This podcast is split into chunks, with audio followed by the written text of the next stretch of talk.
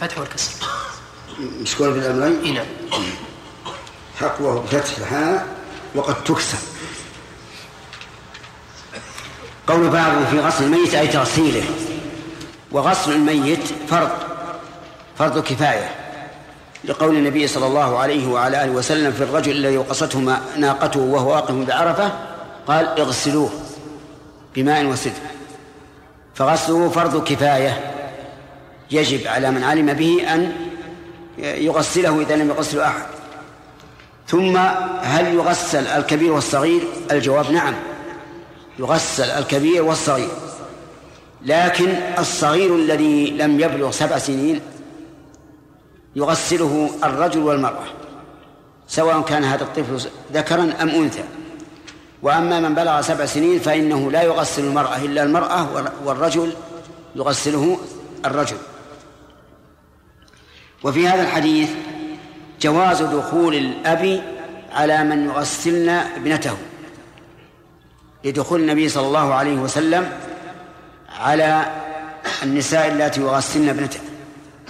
وهل يقاس على ذلك كل محرم الظاهر؟ نعم لكن لا يدخل إلا لحاجة حتى غير المحرم لا يدخل على من يغسل الميت إلا لحاجة. وفي هذا الحديث دليل على أن تغسيل الميت تنظيف وليس من باب طهارة التعبد لأن طهارة التعبد لا تزيد على كم؟ على ثلاث. وهنا قال اغسلنا ثلاثا أو خمسا أو أكثر من ذلك. وفي رواية رواية للبخاري أو سبعا أو أكثر من ذلك وهذا يدل على أن المراد بتغسيل الميت هو تنظيفه حتى يقدم على الله عز وجل على أكمل وجه في النظافة وبناء على هذا لو عدم الماء أو لم يمكن استعماله لكون الميت متفسخا بحرق أو ما أشبه ذلك فهل ييمم؟ إذا قلنا إن الغسل للتنظيف فإنه لا ييمم لا ييمم لأن التيمم لا يزيده إلا تلويثا. وإذا قلنا إن الغسل إن التغسيل طهارة فإنه ييمم. طيب. إذا وجد بعض الميت إذا وجد بعض الميت فإن كان قد صلي على جملته فلا يصلى على البعض الموجود. لأن الفريضة قد حصلت وهذا يقع كرجل مثلا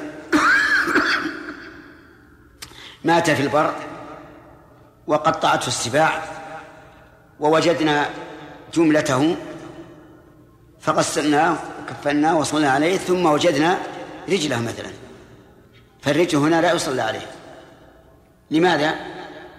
لأنها ليست إنسانا بل هي جزء إنسان تمت الصلاة عليه ولو وجد بعض حي هل يغسل أو يصلى عليه؟ الأخ. ها أنت. ها؟ يبدو لي أنك ماشي بعيد. نعم. طيب. لا يصلى عليه. لماذا؟ لأنه جزء حي. لكن تدفن الرجل في أي موضع أي مكان. إلا أن دفنها في المقبرة أحفظ لها وأبلغ في احترامها. وفي هذا الحديث دليل على أنه ينبغي قطع تغسيل الميت على وتر لأنه عين أعدادا وترية ثلاثا أو خمسا أو سبعا على رواية البخاري. وهذه كلها أوتار. واختيار الأوتار في التطهير أمر معروف. الوضوء كم؟ ثلاثة. الاستجمار ثلاثة. طيب. ومن فوائد هذا الحديث آه، أن أمر تغسيل الميت موكول إلى الغاسل. لقوله إن رأيتن ذلك. وعلى هذا يجب أن يختار للغاسل أمين عليم. أمين يعني ثقة. عليم يعني بأحكام الغسل. لأن غير الأمين لا يؤتمن على التطهير من وجه ولا يرحمك الله ولا يؤتمن أن ينشر العيوب التي يجدها في الميت. سواء كانت عيوبا خلقية أو عيوبا معنوية. لأن العيوب الخلقية مثلا مثل أن يكون الميت مصابا ببرص أو غيره لكنه خفي ليس بظاهر. وهذا الغاسل يعلنه الناس يقول سبحان الله مثلا ما علمنا أن فلان فيه برص. يتحدث عند الناس هذا حرام لا يجوز وهو خلاف الأمانة. أو تغيرا معنويا مثل أن يرى وجه الميت متغيرا كالحا مظلما. فإن هذا يدل على شيء سيء. ونسأل الله أن يحسن لنا ولكم الخاتمة. فلا يجوز أن يذكره للناس. لأن بعض الناس إذا مات يستنير وجهه وتجده مشرقا أحسن من كونه حيا. وبعض الناس بالعكس والعياذ بالله. أجارنا الله وإياكم من ذلك. المهم لا بد أن يكون أمينا. ولا بد أن يكون عليما. كيف يغسل؟ يدل على ذلك قوله إن رأيتن ذلك. إن رأيتن ذلك. وفيه أيضا استحباب السدر في تغسيل الميت. أنه يستحب أن يجعل في الماء السدر. وذلك بأن يدق السدر يا سامي حتى يكون آه، قريبا من الطحين ثم يوضع في الماء ثم يخلط باليد حتى يصل يصير له رغوة فتؤخذ الرغوة ويغسل بها الرأس والشعر. وأما الثفل فيغسل به بقية الجسد لأن السدر بارد. ومنقي منظف. وهل هو طيب؟ عجيب لا. الدليل؟ حديث الذي وقصته ناقته قال عليه الصلاة والسلام اغسلوه بماء وسدر. ومن فوائد الحديث بطلان تقسيم الماء إلى طهور وطاهر ونجس. وجهه؟ أن الماء إذا خلط بالسدر فلا بد أن يتغير تغيرا كثيرا. وإذا قلنا أنه طاهر, إنه طاهر غير مطهر لم يكن لاستعماله فائدة. فبهذا نعرف أن تقسيم الماء إلى ثلاثة أقسام قول ضعيف كما مر علينا في قراءة بلوغ بلوغ إيش؟ بلوغ المرام. طيب. ومن فوائد هذا الحديث أنه يستحب أن يجعل في الأخيرة كافور الغسل الأخيرة سواء الثالثة إن رأينا, إن رأينا الثلاثة أو الخامسة أو السابعة أو التاسعة يجعل في الغسلة الأخيرة كافور. والكافور نوع من الطيب معروف يدق ثم يخلط بالماء. وله فائدتان. الفائدة الأولى الرائحة الطيبة. والفائدة الثانية تصليب البدن. لأنه يصلب البدن. فلهذا قال اجعلنا في الآخرة كافورا أو شيئا من كافور. هذا شك من الراوي. طيب وهل يطيب الميت بغير ذلك؟ ذكر العلماء أنه يطيب بغير ذلك بالحنوط بأن يجعل طيب. مصنوع من من أشياء متعددة من الأطياب يجعل في قطر ويجعل على الفم والمناخر والعينين والدبر والأبط ومغابن الركب والمرافق ومواضع السجود عند بعض العلماء. الأخيرة عند بعض العلماء وبعضهم يقول لا لأن مواضع السجود ليست محل للعرق والنتن. ولهذا قال الشاعر فما تزود مما كان يجمعه إلا حنوطا غداة البين في خرق. يعني الإنسان ما يتزود لو يجمع الدنيا كلها ما الذي يحمله إذا مات؟ الحنوط وهو أخلاط الطيب والثاني الخرق وهو الكفن. طيب إذن الغسل يجعل فيه الكفو. والحنوط يجعل في قطن ويجعل المواضع التي سمعتم. ومن فوائد هذا الحديث أنه ينبغي لمن حضر إلى غاسل الميت لحاجة أن لا يبقى عندهم عنده عند الغاسل لأن قوله إذا فرغتن فآذنني يدل على أن الرسول صلى الله عليه وسلم لم إيش؟ لم يجلس. لأنه لو جلس لعرف بدون أن يؤذن. ولهذا قال العلماء يكره لغير معين في غسله أن يحضر تغسيله حتى لو كان أقرب الناس إليه. إلا الإنسان المساعد للغاسل هذا شيء آخر حاجة. ومن فوائد هذا الحديث الدلالة الصريحة الواضحة على أن النبي صلى الله عليه وسلم لا يعلم الغيب حتى في أقرب شيء إليه. من أين تؤخذ؟ إذا فرغتن فآذنني. لو كان يعلم الغيب لكان يعلم إذا فرغنا. فلا حاجة إلى الاستئذان. لكنه صلى الله عليه وسلم لا يعلم الغيب. والغريب أن الله عز وجل أمره أمرا خاصا أن يعلن للناس أنه لا يعلم الغيب. فقال له قل لا أقول لكم إذا خزائن الله ولا أعلم الغيب ولا أقول لكم إني ملك.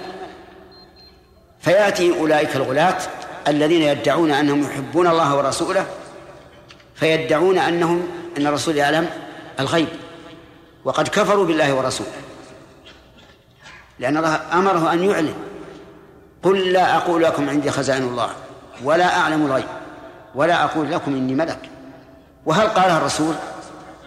قال نعم قالها وبلغها للأمة وتلتها الأمة في صلواتها وخلواتها.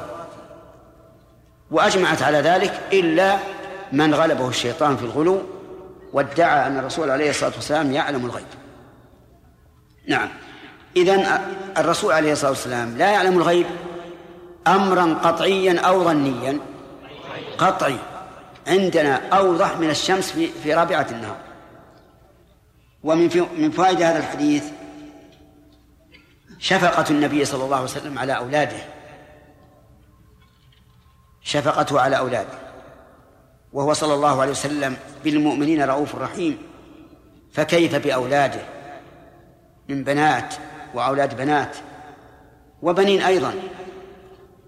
لما توفي ابنه إبراهيم جعل صلى الله عليه وسلم يدمع جعلت عينه تدمع وحزن وقال العين تدمع والقلب يحزن ولا نقول إلا ما يرضي ربنا وإنا بفراقك يا إبراهيم لمحزونون هكذا قال عليه الصلاة والسلام. وكذلك أيضا هنا آه، صار يراقب تغسيل ابنته ولما فرغوا يقول ألقى إلينا حقوة يعني إزارة. وسمي الإزار حقوا لأن الإنسان يربطه على حقوين. أعطاهن الإزار وقال أشعرنها أشعرنها إياه. يعني اجعلنه مما يلي الجسد مما يلي الجسد. ففي هذا دليل على التبرك بآثار النبي صلى الله عليه وعلى آله وسلم. تبرك بآثاره الحسية. أما آثاره المعنوية فوالله إنا لا نتبرك بها. آثاره المعنوية سنة وهديه واتباع سنته وهديه كله بركة وخير. لكن آثاره الحسية ليس ليس عندنا منها شيء اليوم. في عهد الرسول موجودة يأخذ يتبركون بعرقه. بفضل وضوئه بريقه عليه الصلاة والسلام. أهدي إليه مرة بردة وأعجبته. فقام رجل من المسلمين وقال يا رسول الله أعطنيها. وكان صلى الله عليه وسلم لا يرد سائلا سأله. كأنه هو المراد بقول الشاعر ما قال لا قط إلا في تشهده لولا التشهد كانت لاؤه نعم. لا يرد سائل. فأعطاه الرسول إياه. فليم الرجل على ذلك؟ كيف تسأل الرسول بردة جاءته وأعجبته وأنت تعلم أنه لا أرد سائلا؟ قال إنما سألتها لتكون كفن. فكانت كفنا هنا أراد إيش؟ أن يتبرك بآثار الحسية. التبرك بآثار الحسية لا شك أنه أنه مما أقره عليه الصلاة والسلام وتسابق إليه الصحابة. حتى كانوا لما جاء رسول قريش في غزوة الحديبة كان إذا توضأ كادوا يقتتلون على وضوء. صلوات الله وسلامه عليه. إذا فيستفاد من هذا الحديث التبرك بآثاره الحسية وهل يسري ذلك إلى من خلفه في أمته علما وعبادة وخلقا ودعوة؟ الجواب لا. ليس كذلك. أولا لأن غيره غير معصوم. والثاني العبرة بالنهاية. وكم من إنسان يبدو للناس أنه من أهل الجنة وهو من أهل النار والعياذ بالله. اللهم أحسن خاتمتنا. فالمهم أن غيره لا يسوي في هذا وعلى هذا فلا يجوز أن يتبرك الإنسان تبركا حسيا بغير الرسول صلى الله عليه وسلم. حتى لو كان في نظره من أهد الناس وأعلم الناس وأتقى الناس وأخشى الناس لا يتبرك. طيب فإن قال ما فإن قال قائل نسمع كثيرا إن إذا قدم شخص محبوب إلى إنسان قال حلت من البركة. فهل هذا جائز؟ نقول فيه تفصيل إن أراد حلت من البركة التبرك بجسمه فهذا لا يجوز. وإن أراد التبرك أنه رجل ممن يرجى علمه وفائدته فهذا صحيح. لأن من بركة الإنسان أن أن أن يجري الله على يديه. من الخير ما ينفع عباد الله. ولهذا لما نزلت آية التيمم تعرفون آية التيمم لها سبب. أن عقد عائشة رضي الله عنها ضاع ضاع عقدها. وانحبس الناس يطلبونه. لأنها زوجة من؟ الرسول عليه الصلاة والسلام. انحبسوا يطلبونه وهم على غير ماء. فأنزل الله تعالى آية التيمم كل شيء له سبب بإذن الله. أنزل الله آية التيمم فقال أسيد بن حضير ما هذه بأول بركتكم يا آل أبي بكر؟ لله دره ما هذه بأول بركتكم يا آل أبي بكر؟ جعل الله ضياع عقد عائشة بركة على الأمة إلى يومنا هذا وإلى ما بعد يومنا. أنزل الله إيش؟ مشروعية التيمم. إذن البركة التي هي العلم والهدى والأمر بالمعروف والنهي عن المنكر هذه بركة معنوية. قد يحملها الإنسان ويكون في بركة على أهله وعلى وعلى من مجالسه. أما بركة حسية مادية فلا. وأنا بكثرة يعني وش أقول؟ تبرك الناس به في مكة شيء عجيب. نعم؟ يجي الواحد يمسح يديه بالراس والظهر والمشلح و... نعم. أحيانا يكر جبهته بجبهته. نعم. علشان إيش؟ لعله لعله يأخذ بركة. هذه أفهم من هذا أن الناس هناك عند علمائهم يستعملون هذا ولا يجدون منكرا. وإلا لو وجدوا منكرا ما فعلوا. نسأل الله الهداية للجميع.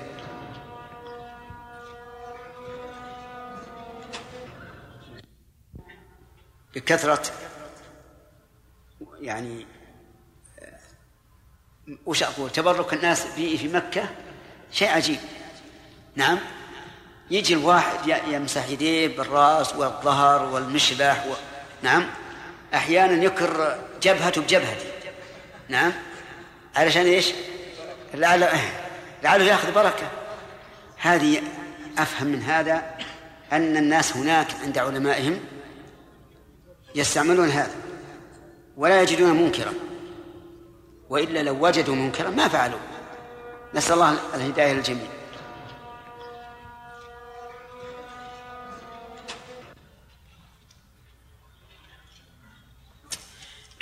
ذكرنا أن ظاهر الحديث أن أن غسل الميت بالتطهير والتنظيف. يبقى لو سأل سائل وقال إذا كان الميت قد تنظف الآن بالشام والصابون وبقي جسمه ليس عليه أدنى أذى. هل يغسل أو لا؟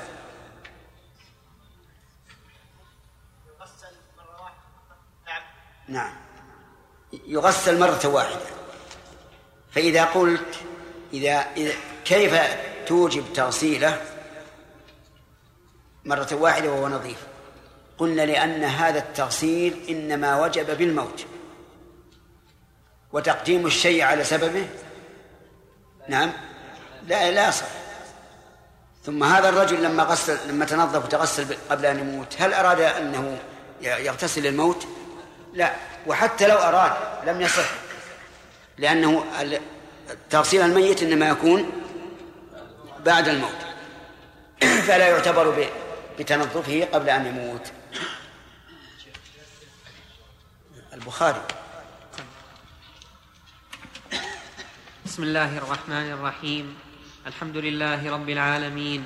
وصلى الله وسلم وبارك على عبده ورسوله نبينا محمد وعلى آله وأصحابه أجمعين.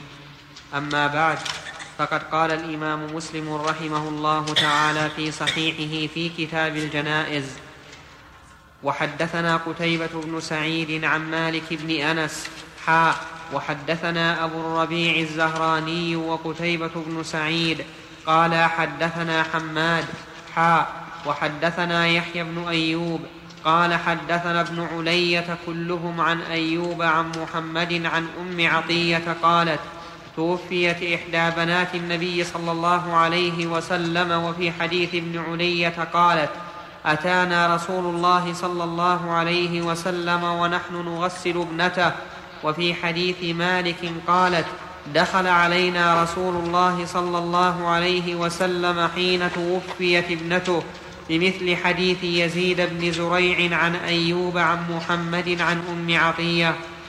وحدثنا قتيبة بن سعيد قال حدثنا حماد عن أيوب عن حفصة عن أم عطية بنحوه غير أنه قال ثلاثا أو خمسا أو سبعا أو أكثر من ذلك أو أكثر من ذلك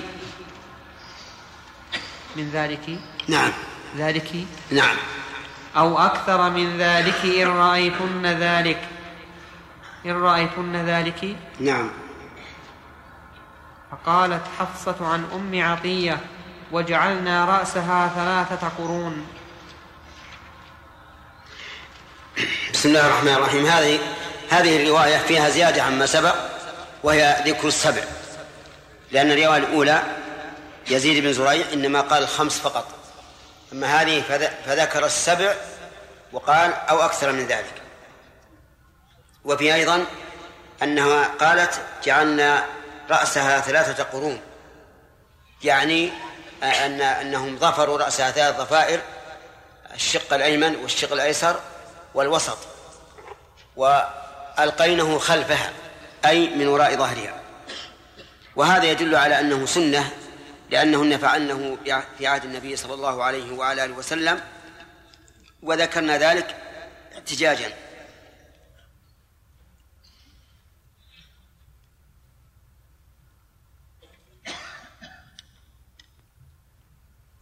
وقوله ذلك كأن قارئنا رددها مرة أو مرتين ما أدري استشكالا وهي بالكسر حتى في السياق الأول. سياق يزيد بن زريع. وذلك أن الكاف في اسم الإشارة. فيها ثلاث لغات. أفصحها أن تكون بحسب المخاطب. هذا هذا أفصح. ثم بالكسر للمؤنث والفتح للمذكر بالإفراد. ثم بالإفراد مع الفتح لكل من خاطب من من خاطبت كما فجماعة النسوة نقول ذلكن إذا كنا خاطب جماعة نسوة كقوله تعالى قالت فذلكن الذي لمتنني فيه. وإذا كنا نخاطب اثنين نقول ذلكما كما قال يوسف لصاحبي السجن ذلكما مما علمني ربي. وإذا كنا نخاطب أنثى واحدة نقول ذلك. وإذا كنا نخاطب ذكرا واحدا قلنا ذلك. وإذا كنا نخاطب جماعة الذكور قلنا ذلكم. هذا هو الأفصح. ويجوز التذكير مطلقا. وهو باعتبار الجنس. إذا قلت ذلك ولو كان لجماعة نساء أو جماعة ذكور باعتبار ذا أيها المخاطب. والثالثة كسر الكاف للنساء مطلقا. وفتحها للرجال مطلقا. نعم. وحدثنا يحيى بن أيوب قال حدثنا ابن علية وأخبرنا أيوب قال وقالت حفصة عن أم عطية قالت اغسلنها وترا ثلاثا أو خمسا أو سبعا. قال وقالت أم عطية مشطناها ثلاثة قرون. حدثنا أبو بكر بن أبي شيبة وعمر الناقد جميعا عن أبي معاوية. قال عمرو حدثنا محمد بن خازم أبو معاوية. قال حدثنا عاصم الأحول عن حفصة بنت سيرين عن أم عطية قالت لما ماتت زينب بنت رسول الله صلى الله عليه وسلم قال لنا رسول الله صلى الله عليه وسلم اغسلنها وترا ثلاثا أو خمسا واجعلن في الخامسة كافورا أو شيئا من كافور فإذا غسلتنها فأعلمنني قالت فأعلمناه فأعطانا حقوه وقال أشعرنها إياه.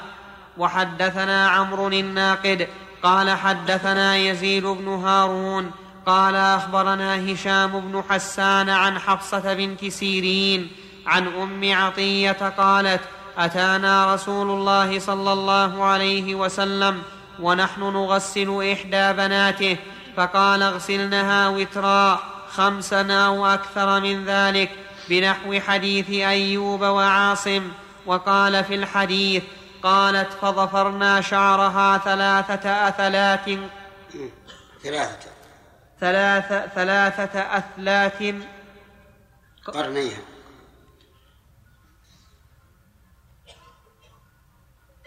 قرنيها وناصيتها وحدثنا يحيى بن يحيى قال أخبرنا هشيم عن خالد عن حفصة بنت سيرين عن أم عطية أن رسول الله صلى الله عليه وسلم حيث أمرها أن تغسل ابنته قال لها ابدأن بميامنها ومواضع الوضوء منها.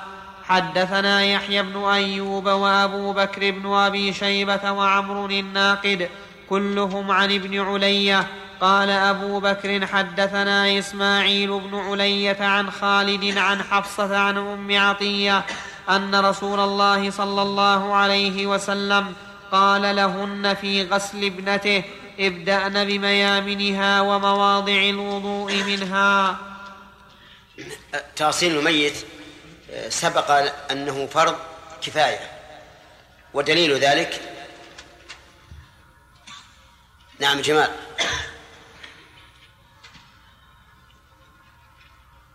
نعم. حديث الرجل الذي سقط عن راحلته في الحج. قال النبي صلى الله عليه وسلم اغسلوه. قال اغسلوه بماء وسدر نعم. هذا دليل على أنه فرض فرض كفاية. كيفيته؟ قال العلماء أن يوضع الميت على سرير الغسل. يوضع على ظهره. ثم ينجى يعني يغسل فرجه. ولكن يجب أن يوضع عليه خرقة لئلا تنكشف عورته ثم يأخذ الغاسل خرقة بيده من أجل أن آه، يمسح الفرجين. يدلكهما إذا كان فيهما شيء شيء من الأذى. ثم بعد ذلك يوضئه فيغسل وجهه ويديه ويمسح رأسه ويصل رجليه. ثم إنهم قالوا رحمهم الله بالنسبة لل للمضمضة والاستنشاق لا يدخل الماء فمه ولا أنفه. لأنه ربما يتسرب الماء إلى بطنه وليس هناك شيء يمسك الماء فربما يخرج من دبره. فلهذا يقول يأخذ خرقة يبلها بالماء وينظف بها أسنانه ومنخريه ثم بعد هذا يغسل رأسه ثلاثا ولكن يغسله بالسدر بالرغوة ويغسل بقية البدن بالثفل ثفل السدر ثلاثا أو خمسا أو سبعا أو أكثر من ذلك ويكون على وتر. والمرأة يزاد في تغسيلها أن شعرها يظفر ثلاثة قرون. الناصية يعني وسط الرأس والقرنين يعني اليمين واليسار ويوضع خلفه. وقالوا إنه بعد أن يغسل فرجيه ينبغي أن يرفع رأسه قليلا ويعصر بطنه لئلا يخرج ليخرج ما كان مستعدا للخروج من الأذى. انتهى التغسيل قالوا وفي وفي هذه الحال ينبغي أن ينشف قبل أن يكفر. عكس غسل الحي. فغسل الحي لا يسن فيه التنشيف ولكنه لا يكره إن شاء تنشف وإن شاء لم يتنشف. أما الميت فقالوا الأفضل أن ينشف. وكما سمعتم أنه يجعل في الغسلة الأخيرة كافورا لأن الكافور آه، طيب الرائحة وهو يرحمك الله يشد البدن ويطرد الهوام عن البدن وبهذا ينتهي الغسل نعم. لو ان الميت فيه يعني تركيبات ثابتة مثل أسنان من ذهب نعم. أو أو أو عظم من ذهب في ذراعه ساقه نعم. هل نقول إنه إذا كان إي نعم. إذا كان في الميت شيء من الذهب أو غيره من الاثمان من الأثمان النفيسة فإنه يخلع إذا لم يكن فيه مثله. يعني مثلا لو كان السن ملبسا تلبيسا يمكن يخلعه بسهولة خلع. لأن بقاءه إضاعة مال وتوفيت على لحق الورثة. لأن المال الذي بعده يكون للورثة. أما إذا كان يحتاج إلى مثله فإنه يبقى.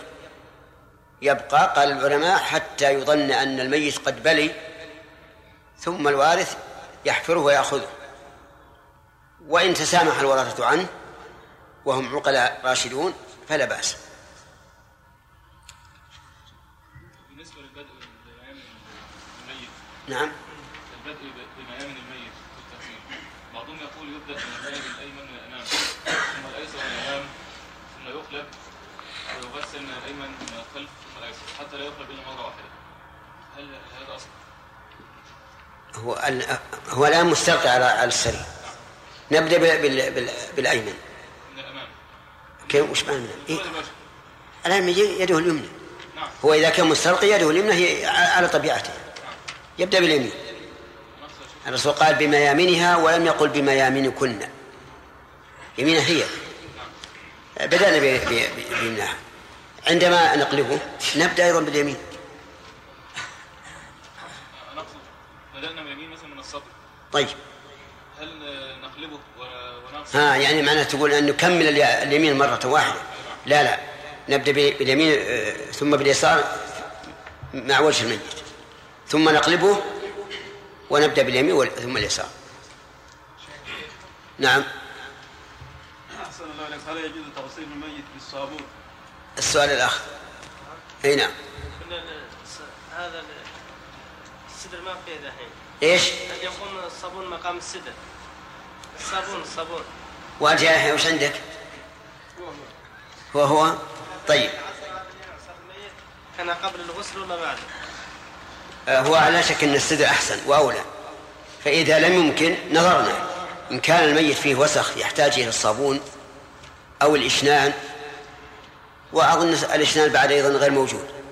إن كان يحتاج إلى صابون فعنه وإلا فلا. باب. نعم. طيب. نعم. إذا كان الميت فيه شيء من ذهب وخلعه يترتب عليه مثله ولكن الوارث أبى إلا أن يخلع هل يمكن؟ لا لا يمكن. لا يمكن. حق الميت مقدم. يعني يقول إذا كان آه، في الميت أسنان من الذهب وقلعها آه، يكون فيه مثله ولكن الوارث أبى إلا أن يقلع. فهل يقلع؟ والجواب لا. الجواب لا يقلع لأن حق الميت آه، مقدم.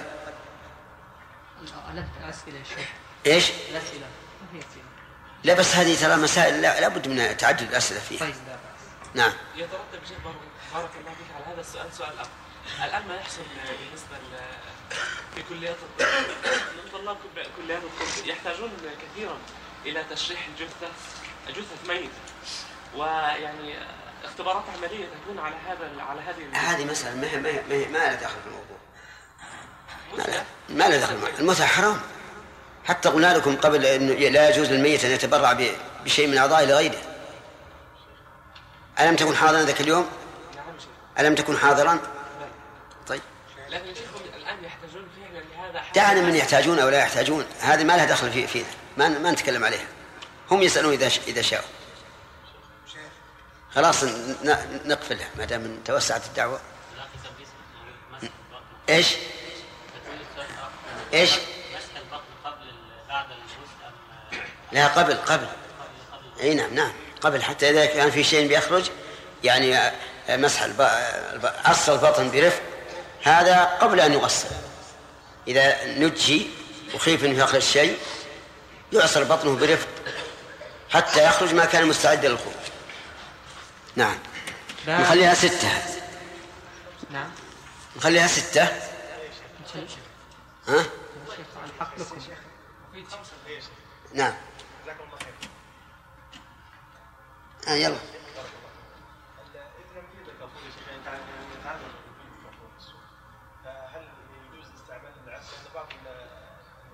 الطيب ذكرنا لكم أيضا ما بعد هذا عند الكفن نتكلم عليه. نعم. كمل الستة. باب في كفن الميت. وحدثنا يحيى بن يحيى التميمي وأبو بكر بن أبي شيبة ومحمد بن عبد الله بن نمير وأبو كريب واللفظ ليحيى. قال يحيى أخبرنا وقال الآخرون حدثنا أبو معاوية عن الأعمش عن شقيق عن خباب بن الارت قال هاجرنا مع رسول الله صلى الله عليه وسلم في سبيل الله نبتغي وجه الله فوجب أجرنا على الله فمنا من مضى لم يأكل من أجره شيئا منهم مصعب بن عمير قتل يوم أحد فلم يوجد له شيء يكفن فيه إلا نمرة فكنا إذا وضعناها على رأسه خرجت رجلاه وإذا وضعناها على رجليه خرج رأسه فقال رسول الله صلى الله عليه وسلم ضعوها مما يلي رأسه واجعلوا على رجليه الإذخر ومنا من أينعت له ثمرته فهو يهدبها. وحدثنا عثمان بن أبي شيبة قال حدثنا جرير حاء وحدثنا إسحاق بن إبراهيم قال أخبرنا عيسى بن يونس حاء وحدثنا من جاب بن الحارث التميمي قال أخبرنا علي بن مسهر حاء وحدثنا إسحاق بن إبراهيم وابن أبي عمر جميعا عن ابن عيينة عن الأعمش بهذا الإسناد نحوه. حدثنا يحيى بن يحيى وأبو بكر بن مصعب بن عمير رضي الله عنه من شباب قريش. وكان مدللا بين والديه حتى قيل إنه كل يوم يلبس بردة. فلما أسلم هجره أبواه وضيق عليه وهاجر مع النبي صلى الله عليه وسلم وقتل يوم أحد رضي الله عنه. ولم يوجد له إلا هذه النمرة التي كانت ثوبة. فكفنوه يقول إذا وضعناها على على رأسه خرجت رجلاه وإذا وضعناها على رجليه خرج رأسه لأنها قصيرة وليس معهم ثياب. فأمرهم النبي صلى الله عليه وسلم أن يجعلوها من قبل الرأس وأن يضعوا على رجليه آه، شيئا من الإذخر ففي هذا دليل على فوائد منها أن الإنسان يكفن من ماله وأنه لا بأس أن يكفن بثيابه التي عليه وأنه لا بأس أن يكفن بثوب واحد وأنه إذا قصر نعم وأنه يجب تغطية البدن كله في الكفن وأنه إذا لم يوجد ما يستر البدن كله ستر بأذخر بإذخر ونحوه وأن التكفين فرض كفاية. لقوله صلى الله عليه وسلم ضعوها مما يلي رأسه مما يلي رأسه. وأن الصحابة رضي الله عنهم اعتبروا هجرتهم في سبيل الله. وعلى هذا فنقول كل من خرج لله عز وجل لطلب علم أو لحج أو عمرة أو ما أشبه ذلك فإنه في سبيل الله لكن بالمعنى العام. ومنها الترقق لمن فاته أن يأخذ من زهرة الدنيا شيئا لأن مصعب بن عمير رضي الله عنه لم يأخذ شيئا مما أخذه من بقي حتى الفتوح الإسلامية لأن الذين بقوا إلى الفتوح الإسلامية نالوا من الدنيا شيئا عظيما ما كانوا يتصورونه. لقوله تعالى وعدكم الله مغانم كثيرة تأخذونها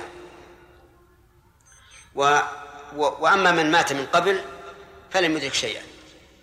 وهذا كأنه يقول إن هذا الرجل الشاب الذي مات قبل أن يدرك من الدنيا ما أدركنا كأنه يعني يتوجع له. لكن نقول إن الإنسان لا يدري أيهما أفضل أن يبقى في الدنيا طويلا أو أن يرتحل إلى الآخرة بزمن قصير. نعم. حدثنا يحيى بن يحيى وابو بكر بن ابي شيبة وابو كريب واللفظ ليحيى. قال يحيى أخبرنا وقال الآخران حدثنا أبو معاوية عن هشام بن عروة عن أبيه عن عائشة قالت كفن رسول الله صلى الله عليه وسلم في ثلاثة أثواب بيض سحونية من كرسف ليس فيها قميص ولا عمامة.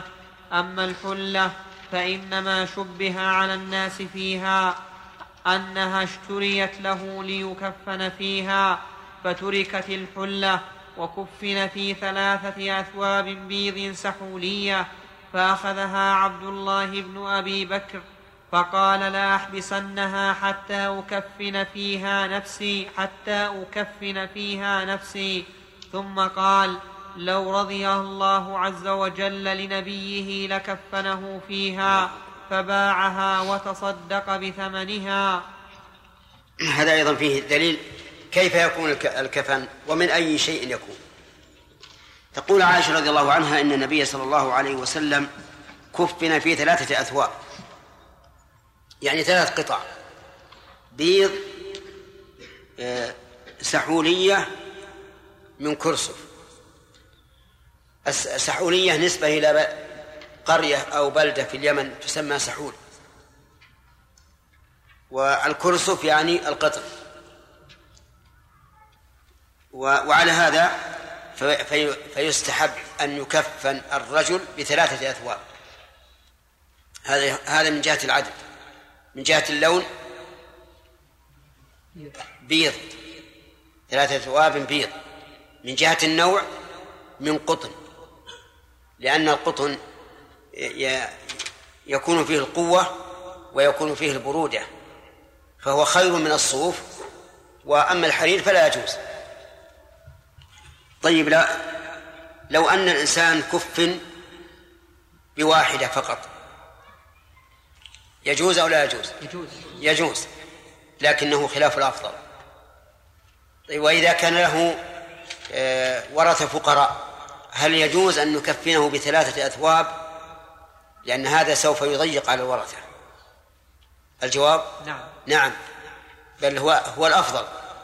لا يقال إن له ورثة ضعفاء. نقول لأن حق الميت في ماله مقدم على حق الورثة. لو لو كفن بغير البياض لكان جائزا. لكن البياض أفضل. لو كفن بغير بغير القطن فهو جائز لكن القطن أفضل. فإن قال قائل هذا من فعل الصحابة رضي الله عنهم. هذا من فعل الصحابة رضي الله عنهم فكيف تجعلونه مشروعا؟ قلنا لا شك أن الصحابة فيهم الخلفاء الراشدون وقد أمرنا باتباع سنتهم. كما قال النبي عليه الصلاة والسلام عليكم بسنتي وسنة الخلفاء الراشدين. أما قولها رضي الله عنها ليس فيها قميص ولا عمامة المعنى أنه لم يكفن في قميص ولم يجعل على رأسه عمامة. وأما من قال إن المعنى ثلاثة أثواب سوى القميص والعمامة فلا شك أن هذا بعيد من الصواب لأن اللفظ لا يقتضيه. اللفظ لا يقتضيه. ثلاثة أثواب ليس فيها قميص ولا عمامة واضح أن أن المراد بذلك النفي للاستثناء وأما قولها رضي الله عنها أما الحلة فإنما اشتريت إلى آخره فنقرأ شرح النووي عليها.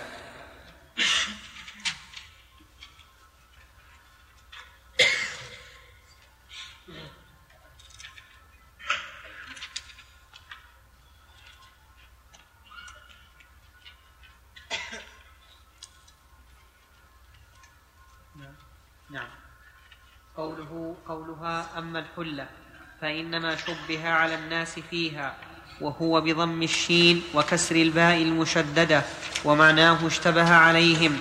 قال أهل اللغة ولا تكون الحلة إلا ثوبين إزارا ورداء.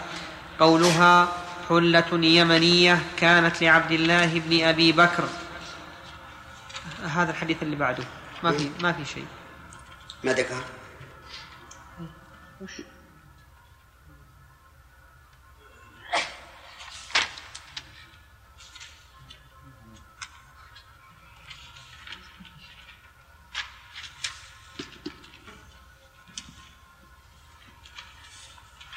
لا يمكن اللفظ الثاني بين.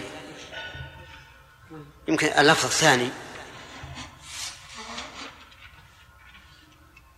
هو الإخوان يشيرون إلى الحديث عن القميص والعمامة. هل, هل هذا السؤال عن هذا ولا عن الحلة يا شيخ؟ لا سؤال عن الحلة لكن اللفظ الثاني ببين. اللفظ الثاني اللي ساقه المؤلف يبينها لأنه أشكل علي كيف تعطى عبد الله بن أبي بكر ولكن اللفظ الثاني يبين هذا. العبد الله في اللفظ الثاني. أقول اللفظ الثاني ما قريناه أي أنا سألتك عن الشرح لأنه أشكل علي. كيف يأخذ عبد الله؟ فلكن الآن نقرأ اللفظ الثاني وتبين. فلا حاجة. المعنى واضح في في في مسألة القميص والعمامة نعم. وحدثني علي بن حجر السعدي. قال أخبرنا علي بن مسهر.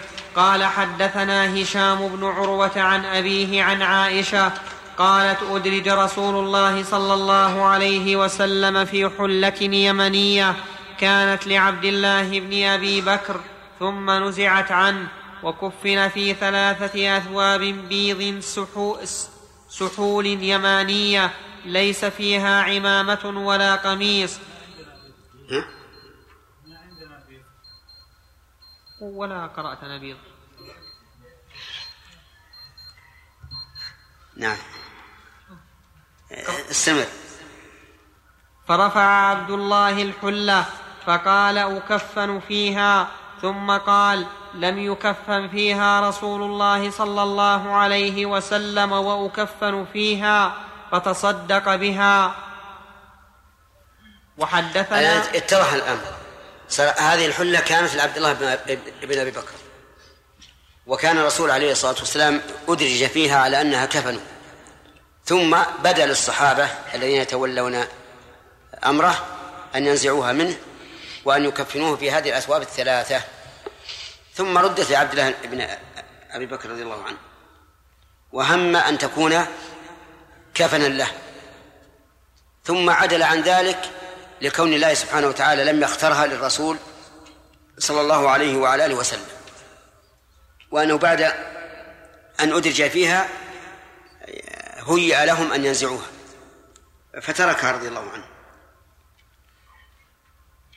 نعم. وحدثناه نعم. وحد امشي. وحدثناه أبو بكر بن أبي شيبة قال حدثنا حفص بن غياث وابن عيينة وابن إدريس وعبدة ووكيع. حاء وحدثناه يحيى بن يحيى قال أخبرنا عبد العزيز بن محمد كلهم عن هشام بهذا الإسناد وليس في حديثهم قصة عبد الله بن أبي بكر. وحدثني, وحدثني ابن أبي عمر قال حدثنا عبد العزيز عن يزيد عن محمد بن إبراهيم عن أبي سلمة أنه قال سألت عائشة زوج النبي صلى الله عليه وسلم فقلت لها في كم كفن رسول الله صلى الله عليه وسلم؟ فقالت في ثلاثة أثواب سحولية. وهذا نص في أن معنى قوله ليس فيها قميص ولا عمامة أي أنه استثناء. آه نعم. أو أنه نفي أنه نفي وليس استثناء. نعم. شيخ بارك الله فيكم. هل يحتمل حديث خباب الأرض معنى آخر؟ اللي هو وهو أنه يقول ذلك كأس يعني يعني كان يود لو أنه لم تفتح عليه الدنيا وأنه مات قبل قبل الفتح. يحتمل هذا. هذا يحتمل. نعم.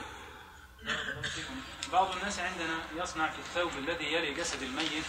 أنه يقصه يعني يكون الثوب هكذا ثم يثنى من طرفيه ويقصه من هذه الناحية من فوق ويدخل رأس الميت في هذه الفتحة. إيه.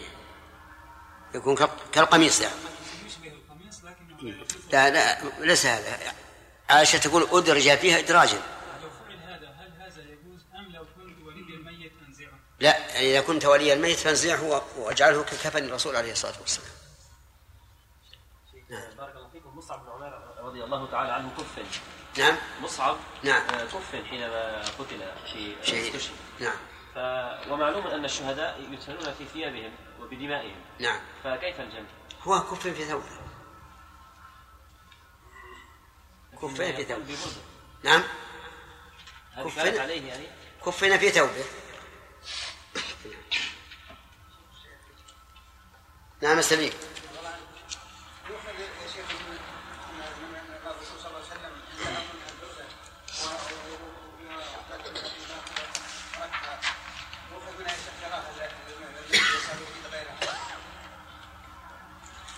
ما يؤخذ لكن هذا على سبيل الله أعلم على سبيل الورع.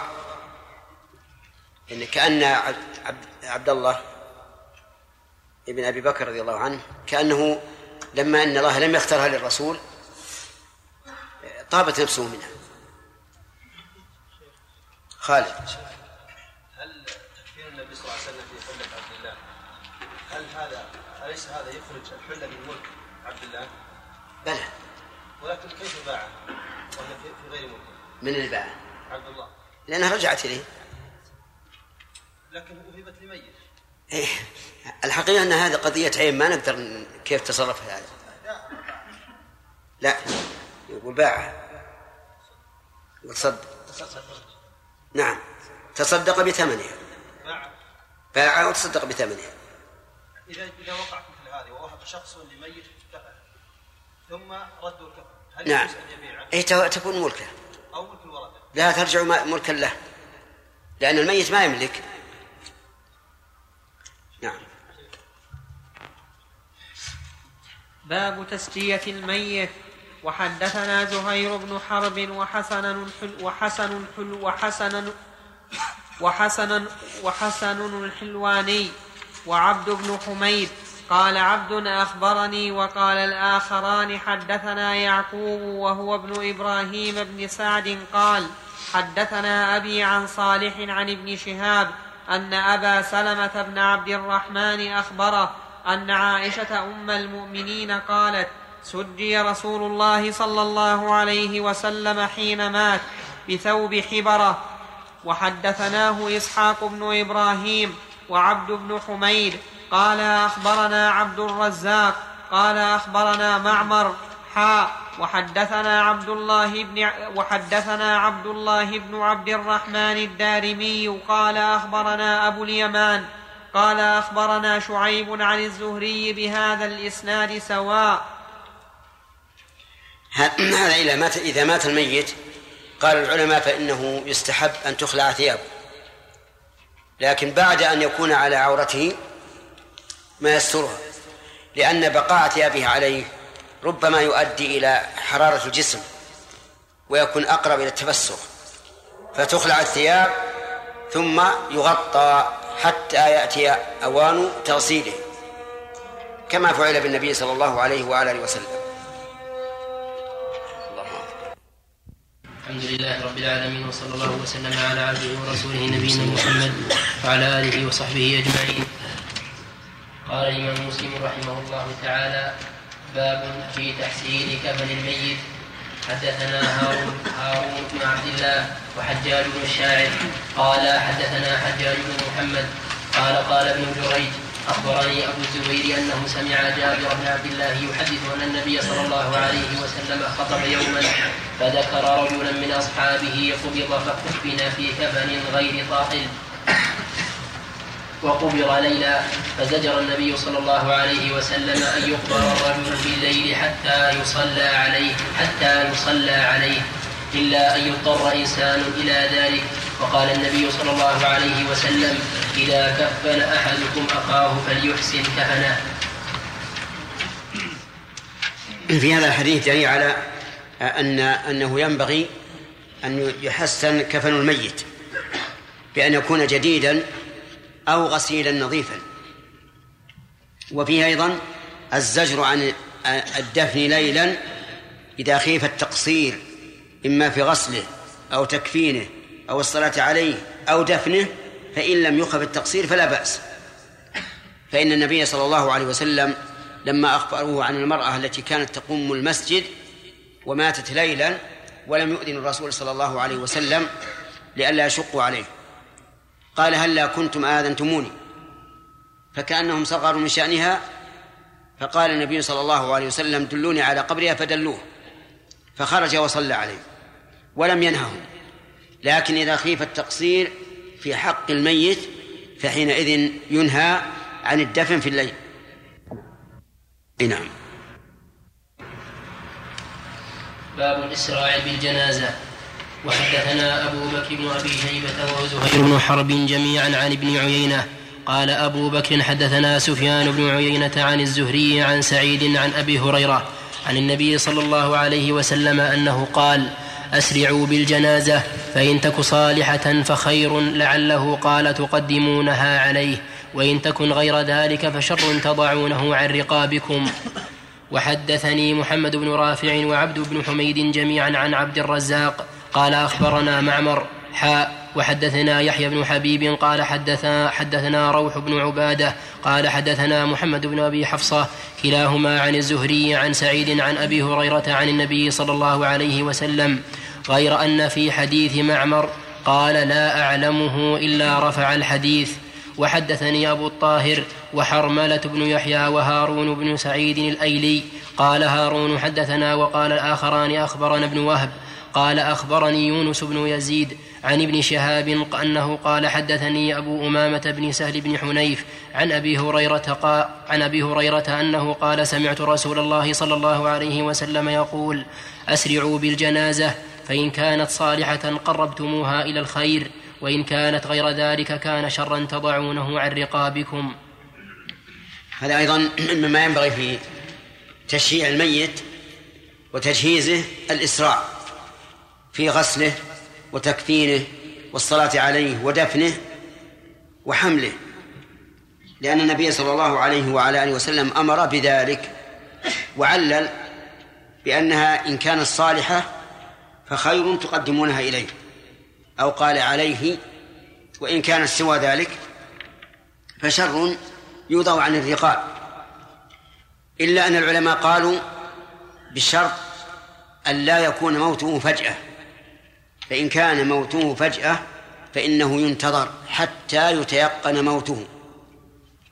وتيقن الموت يكون بعلامات يعرفها الذين يمارسون الموت كثيرا كانخفاص انخفاص الصدغين وكذلك ارتخاء القدمين وما أشبه ذلك. والفك الأسفل أيضا يرتخي. وهنا علامات الآن بالطب الحديث تكون أبين وأوضح. المهم أنه إذا مات فجأة فلا يبادر بدفنه بل ينتظر حتى يتيقن موته. أما إذا كان مريضا من قبل وعرف أنه قد مات فالأفضل أن إيش؟ أن يسرع به. وفي قوله وإن تكن سوى ذلك أو غير ذلك دليل على أنه ينبغي أن يعبر بالتعبيرات بالألفاظ التي ليست مكروهة لأنه كان يمكن أن يقول إن تك صالحة وضدها إن تك فاسدة ولكنه قال إن تك غير ذلك تلطيفا لللفظ والأسلوب. وفي هذا دليل على خطأ من يؤخرون دفن الجنازة الآن يؤخرونها يوما أو أو ربما يومين من أجل أن يحضر أقاربها البعيدون. تجد الأقارب في أمريكا ولا في بلد آخر بعيد يقول ننتظر حتى يأتي. وهذا في الحقيقة جناية على الميت قبل كل شيء. لأنه ثبت عن النبي عليه الصلاة والسلام أن الميت إذا كان صالحا فإن نفسه تقول قدمون قدموني. وهذا جناية عليه. ويقال هؤلاء الذين كانوا غائبين من أقاربه إذا حضروا خرجوا وصلوا عليه.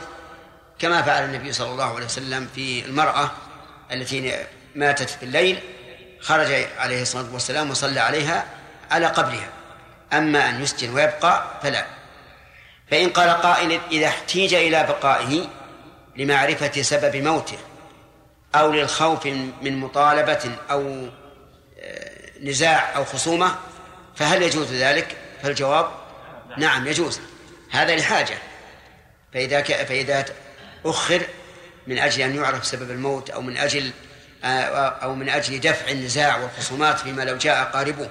وهذا يقع كثيرا فيما إذا كان الميت أجنبيا فإن أهله ربما يطالبون. يقولون لماذا دفنتم ميتنا قبل أن نحضر أو قبل أن يحقق الأمر أو ما أشبه ذلك؟ وفيه أيضا دليل على أن المراد بالإسراع يعني ألا تؤخر. وهل يسرع في المشي؟ أيضا. الجواب نعم.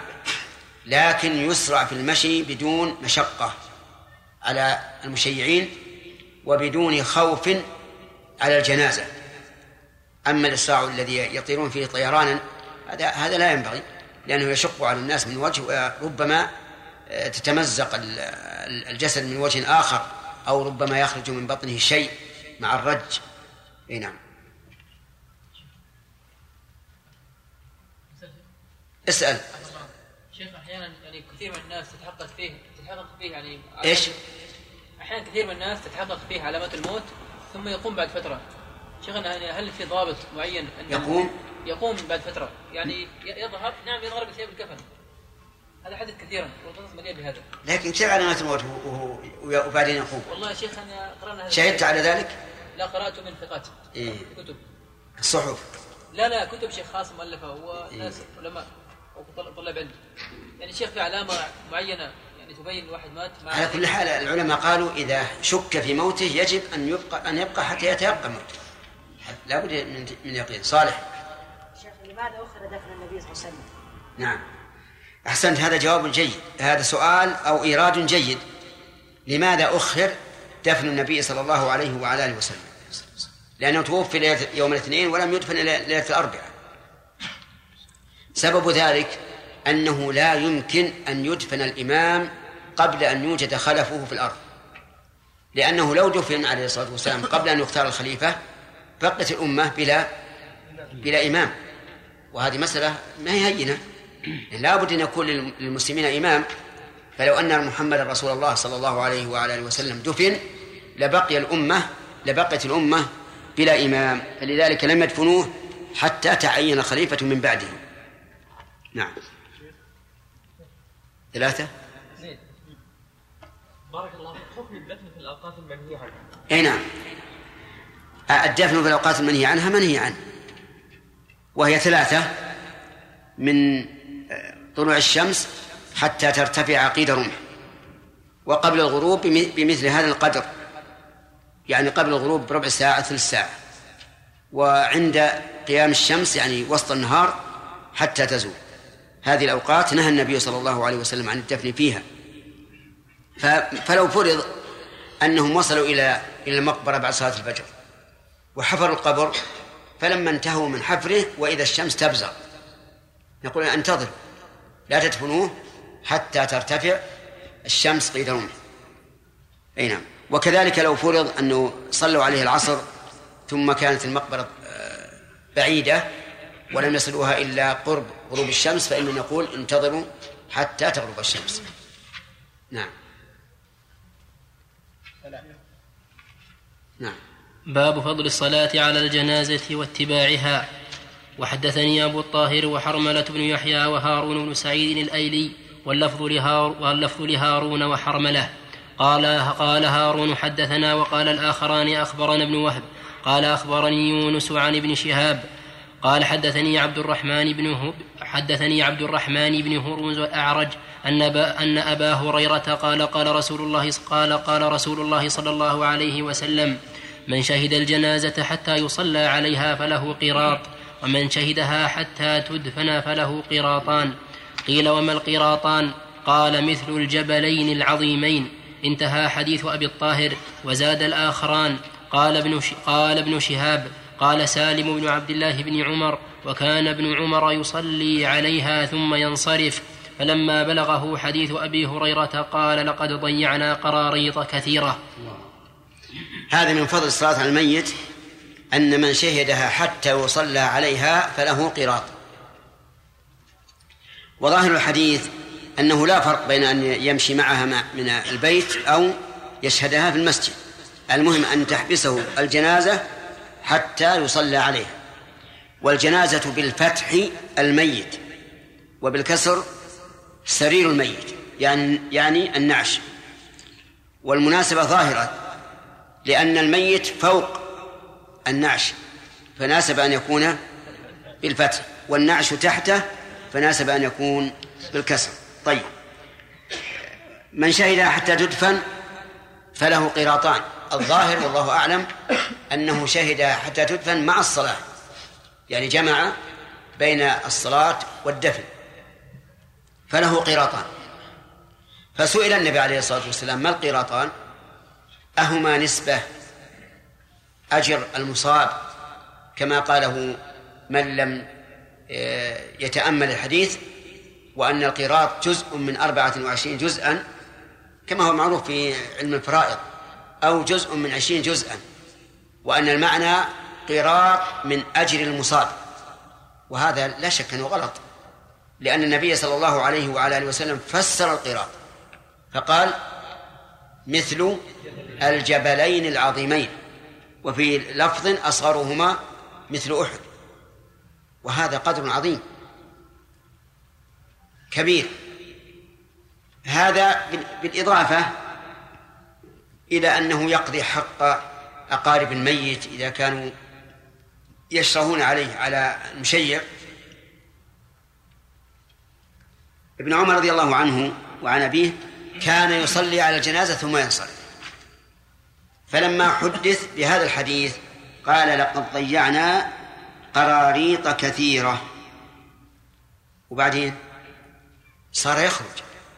لأنه لا يمكن أن يظهر أنه أضاع هذا الشيء ثم يفرط فيه رضي الله عنه لأنه كان من أحرص الناس على الخير.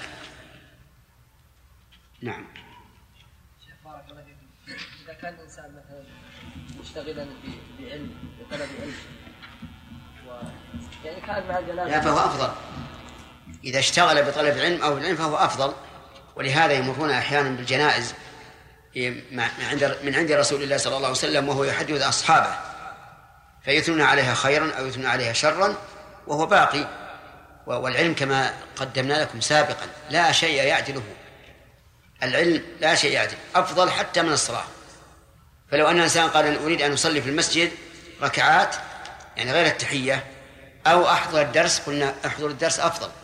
لو كان في المسجد الحرام وقال أفضل أن أطوف أو أحضر الدرس قلنا أحضر الدرس أفضل. العلم لا يعدل شيء أبدا إلا من كان في ساحة القتال.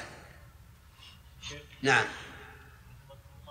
هل بقاء الأمة بلا إمام خاص بالنبي عليه الصلاة والسلام أو لا عام. عام لا بد من إمام. لو لو لم يكن للأمة إمام يؤخر دفن الإمام حتى يكون لها إمام؟ أي نعم. لكن لا لا يذهب وهلك أو وهمك أو تخيلك إلى أنك تريد أن تكون الأمة الإسلامية اليوم لها إمام واحد. فيما لو كانت الأمة لها إمام واحد ما في إمام واحد الآن. الآن الأمة الإسلامية من زمان كان لها أئمة حتى من عهد الصحابة كان لها أئمة كل في, في, في مكان. لكن متى إذا قدرنا إمام قطعة من الأرض أو جاء طائفة من الأرض فإنه لا يدفن حتى يقوم ولي العهد من بعده. أفهمت؟ نعم نعم شيخنا الله إليك هل لقول النبي صلى الله عليه وسلم وإن كانت غير ذلك كما تضعونه على رقابكم مفهوم؟ إيش؟ هل لكلامه هذا كلام مفهوم؟ إيش؟ قول النبي صلى الله عليه وسلم وإن كانت غير ذلك كان شرا تضعونه عن رقابكم هل لكلامه هذا عليه الصلاه والسلام مفهوم؟ مفهوم؟ يعني هل يعني مثلا لماذا يضعونه على رقابهم؟ نعم لأن ال- ال- ال- الجنازة محمولة الجنازة محمولة والنفس الشريرة التي ليس فيها خير الراحة منها خير. نعم. ثلاثة. حدثناه حدثناه أبو بكر بن أبي شيبة قال حدثنا عبد الأعلى حاء وحدثنا وحدثنا ابن رافع وعبد بن حميد عن عبد الرزاق كلاهما عن معمر عن الزهري عن سعيد بن المسيب عن أبي هريرة عن النبي صلى الله عليه وسلم إلى قوله الجبلين العظيمين ولم يذكرا ما بعده. وفي حديث عبد الأعلى حتى يفرغ منها. وفي حديث عبد الرزاق حتى توضع في اللحد. لكن حديث عبد عبد الرزاق هذا شاذ. والألفاظ التي قبله كلها تدل على أن المراد حتى يفرغ من دفنه. اللفظ الأول الذي الذي قدمه مسلم حتى تدفن والثاني حتى يفرغ منها. وهي إذا وضعت في اللحد لا يفرغ منها. إذا وضعوها في اللحد لا بد أن يدفنوها. نعم. وحدثني عبد الملك بن شعيب بن الليث قال حدثني أبي عن جدي قال حدثني عقيل بن خالد عن ابن شهاب أنه قال حدثني رجال عن أبي هريرة عن النبي صلى الله عليه وسلم بمثل حديث معمر وقال ومن اتبعها حتى تدفن.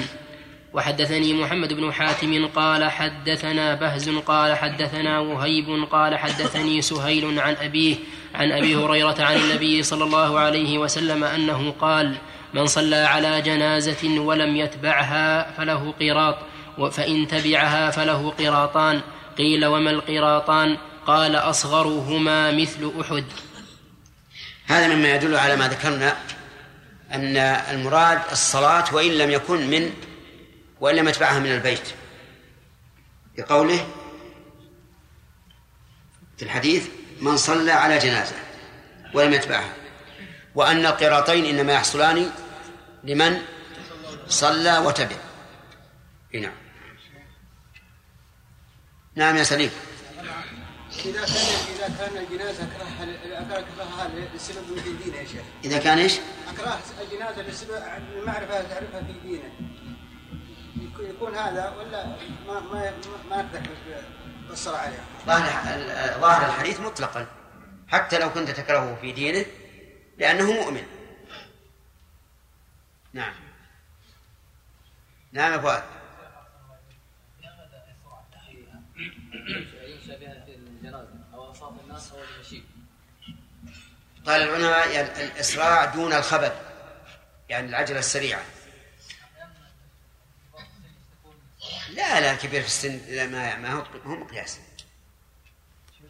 ولا ولا النشيط جدا. نعم. ثلاث. نعم.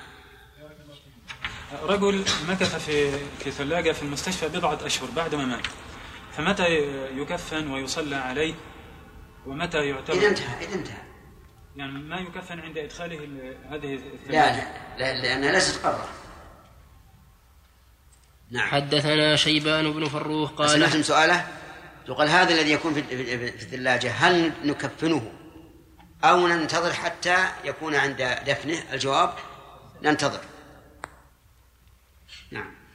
حدثنا شيبان بن فروخ قال حدثنا جرير يعني ابن حازم قال حدثنا نافع قال قيل لابن عمر إن أبا هريرة يقول سمعت رسول الله صلى الله عليه وسلم يقول من تبع جنازة فله قيراط من الاجر فقال ابن عمر أكثر علينا أبو هريره فبعث إلى عائشة فسألها فصدقت أبا هريره فقال ابن عمر لقد فرطنا في قراريط كثيره في هذا الحديث أي في صنيع عبد الله بن عمر قوله أكثر علينا يعني معناه أنه آه، رغبنا في أشياء آه، إذا عملناها صارت كثيرة علينا وليس المعنى أنه جاء بها من عنده لأن ابن عمر لا يمكن أن يتهم أبا هريرة بأنه قاله من كيسه. لكن مع ذلك أراد أن يستثبت كقوله تبارك وتعالى لإبراهيم أولم تؤمن؟ قال بلى ولكن ليطمئن قلبي. فسألت عائشة فصدقت أبا هريرة. فصار الحمد لله الآن ثابت فصار ذلك ثابتا. من عن أبي هريرة وعن وعن عائشة رضي الله عنها. وحدثني محمد بن عبد الله بن نمير. قال الشرح أكثر علينا. نعم. قوله فقال ابن عمر أكثر علينا أبو هريرة. معناه أنه خاف لكثرة رواياته أنه اشتبه عليه الأمر في ذلك واختلط عليه حديث بحديث. لا أن لا أنه نسبه إلى رواية ما لم يسمع لأن مرتبة لأن مرتبة ابن عمر لأن مرتبة لأن مرتبة لأن مرتبة ابن عمر وأ- وأبي هريرة أجل من ذلك أجل من هذا. إيه. أنا أرى خلاف ذلك. أنا أرى أنه أكثر يعني معناها أنه حملنا عملا أكثر بما جاء به. ولا يظن أنه أن أبا هريرة يقول سمعت رسول الله صلى الله عليه وسلم ثم يقول إنه التبس عليه الأمر. بل المعنى هو ما قررنا أولا وأما إرساله إلى عائشة فمن أجل التثبت وزيادة الطمأنينة.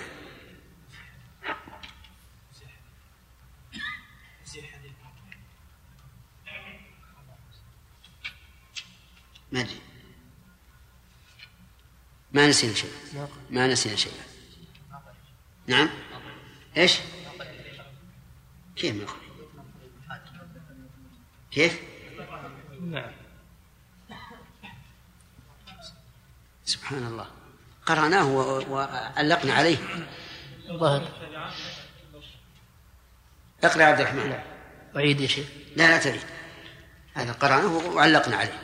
وحدثني محمد بن عبد الله بن نمير قال حدثنا عبد الله عبد الله بن يزيد قال حدثني حيوة قال حدثني أبو صخر عن يزيد بن عبد الله بن قسيط أنه حدثه أن داود بن عامر أن دا أنه, أنه حدثه أن داود بن عامر بن سعد بن أبي وقاص حدثه عن أبيه أنه كان قاعدا عند عبد الله بن عمر إذ طلع إذ طلع خباب صاحب المقصورة فقال عبد الله بن عمر ألا تسمع ما يقول أبو هريرة؟ إنه سمع رسول الله صلى الله عليه وسلم يقول من خرج مع جنازة من بيتها وصلى عليها ثم تبعها حتى تدفن كان له قيراطان من أجر كل قيراط مثل أحد ومن صلى عليها ثم رجع كان له من الأجر مثل أحد. فأرسل ابن عمر فأرسل ابن عمر خبابا إلى عائشة يسألها عن قول أبي هريرة ثم يرجع إليه فيخبره ما قالت وأخذ ابن عمر قبضة من حصباء المسجد يقلبها في يده. وأخذ ابن عمر قبضة من حصباء من حصباء المسجد. نعم. عندنا من حصى المسجد. حصباء. حصباء. نعم. ويقول آه وأخذ ابن عمر نعم قال هكذا ضبطناه الأول حصباء والثاني بالحصى جمع حصاة وهكذا هو في معظم الأصول والحصباء هو الحصى. إذا خلاف لفظي. من حصباء المسجد يقلبها في يده حتى رجع إليه الرسول فقال قالت عائشة صدق أبو هريرة فضرب ابن عمر بالحصى الذي كان في يده الأرض ثم قال لقد فرطنا في قراريط كثيرة. وحدثنا محمد بن بشار قال حد إيش؟ ها؟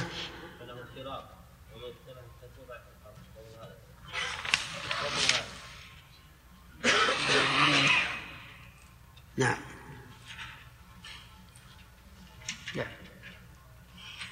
وحدثنا محمد بن بشار قال حدثنا يحيى يعني بن سعيد قال حدثنا شعبة قال حدثني قتادة عن سالم بن أبي الجعد عن معدان عن معدان بن أبي طلحة اليعم اليعمري عن ثوبان مولى رسول الله صلى الله عليه وسلم أن رسول الله صلى الله عليه وسلم قال من صلى على جنازة فله قراط فإن شهد دفنها فله, قرا فله قراطان القراط مثل أحد وحدثني ابن بشار قال حدثنا إذا معاذ صار عن كم؟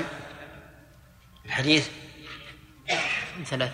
عن ثلاثة أبي هريرة وعائشة وثوبان. الحمد لله. وحدثني ابن بشار قال حدثنا معاذ بن هشام قال حدثني أبي قال و قال وحدثنا ابن المثنى قال حدثنا ابن أبي عدي عن سعيد حاء وحدثني زهير بن حرب قال حدثنا عفان قال حدثنا أبان كلهم عن قتادة بهذا الإسناد مثله وفي حديث سعيد وهشام سئل النبي صلى الله عليه وسلم عن القيراط فقال مثل أحد.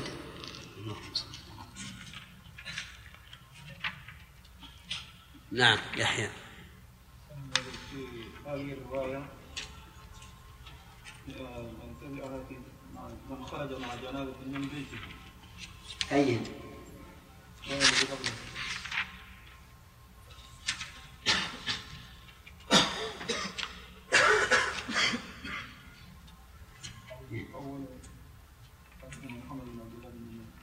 طويل. أي نعم. و... و... و... والأخرى من صلى. عدة روايات من صلى. آخرها هذا الحديث.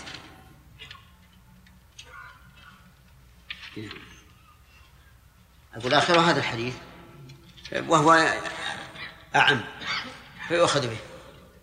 ويقال من خرج وصلى فهو أك... أكمل أجرا. لا شك له أجر. المشي من من بيتها إلى المسجد ومن صلى بدون أن يأتي من البيت فله الأجر. نعم. لا. في مسألة الصلاة على القبر هل طول المدة تؤثر في ذلك؟ لا. مثلا سنة أو سنتين. لا تؤثر. يصلي على القبر إذا كان قد مات الميت والإنسان أهل للصلاة. ها؟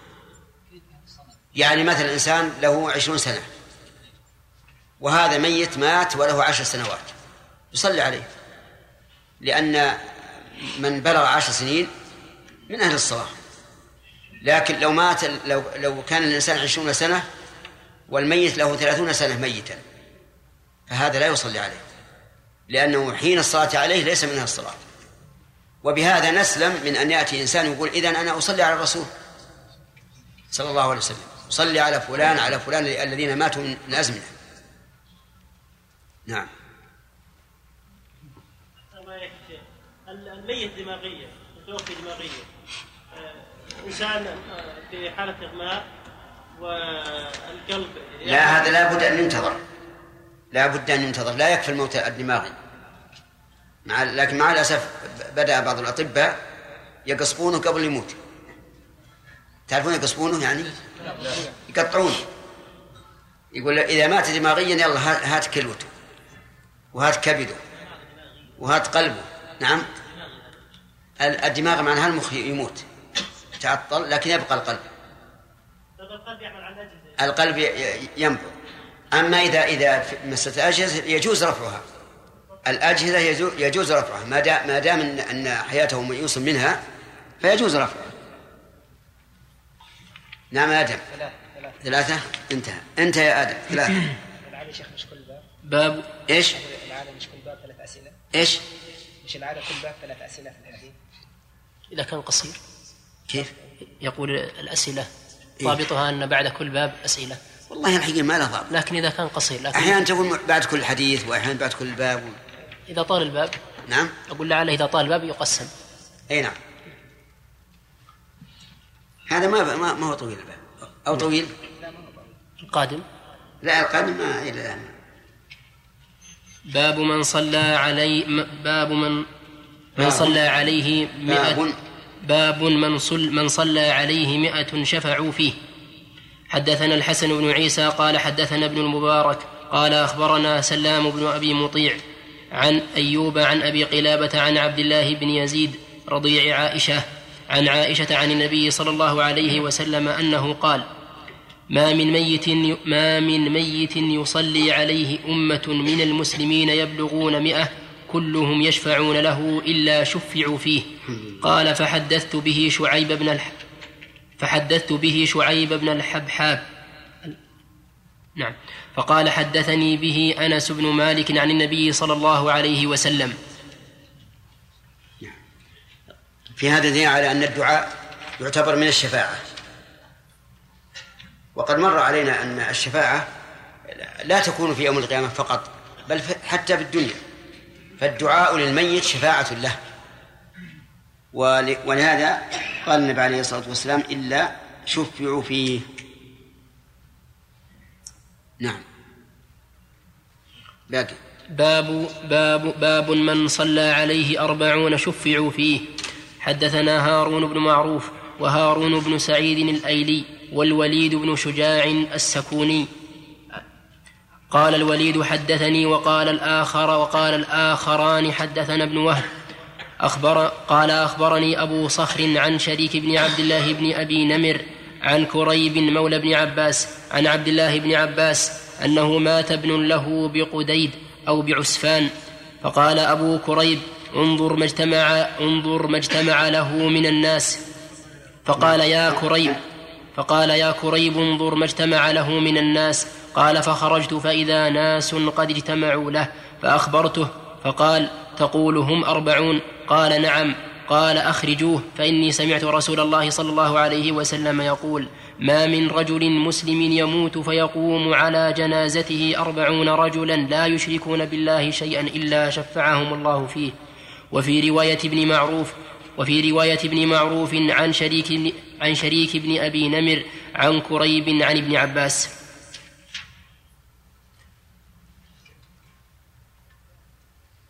في هذا الحديث زيادة على الحديث السابق لأن السابق مئة وهذا أربعون. ومعلوم أن من صلى عليه مئة فقد صلى عليه أربعون. لكن من صلى عليه أربعون لم يكن صلى عليه مئة. فنأخذ بالزيادة ونقول من صلى عليه أربعون رجلا لا يشركون بالله شيئا إلا شفعهم الله فيه. وفي هذا دليل في الحديث دليل على فضيلة التوحيد والإخلاص. وفيه أيضا أن من كان فيه شرك فإنه ليس أهلا للشفاعة حتى وإن كان مسلما. ما دام في قلبه شيء من الشرك نسأل الله العافية. فإنه ليس أهلا للشفاعة. لا بد أن يكون الشافع طاهرا من الشرك تماما. وفيه دليل على جواز انتظار كثرة الجمع. لأنه لم يخرج به حتى بلغوا أربعين.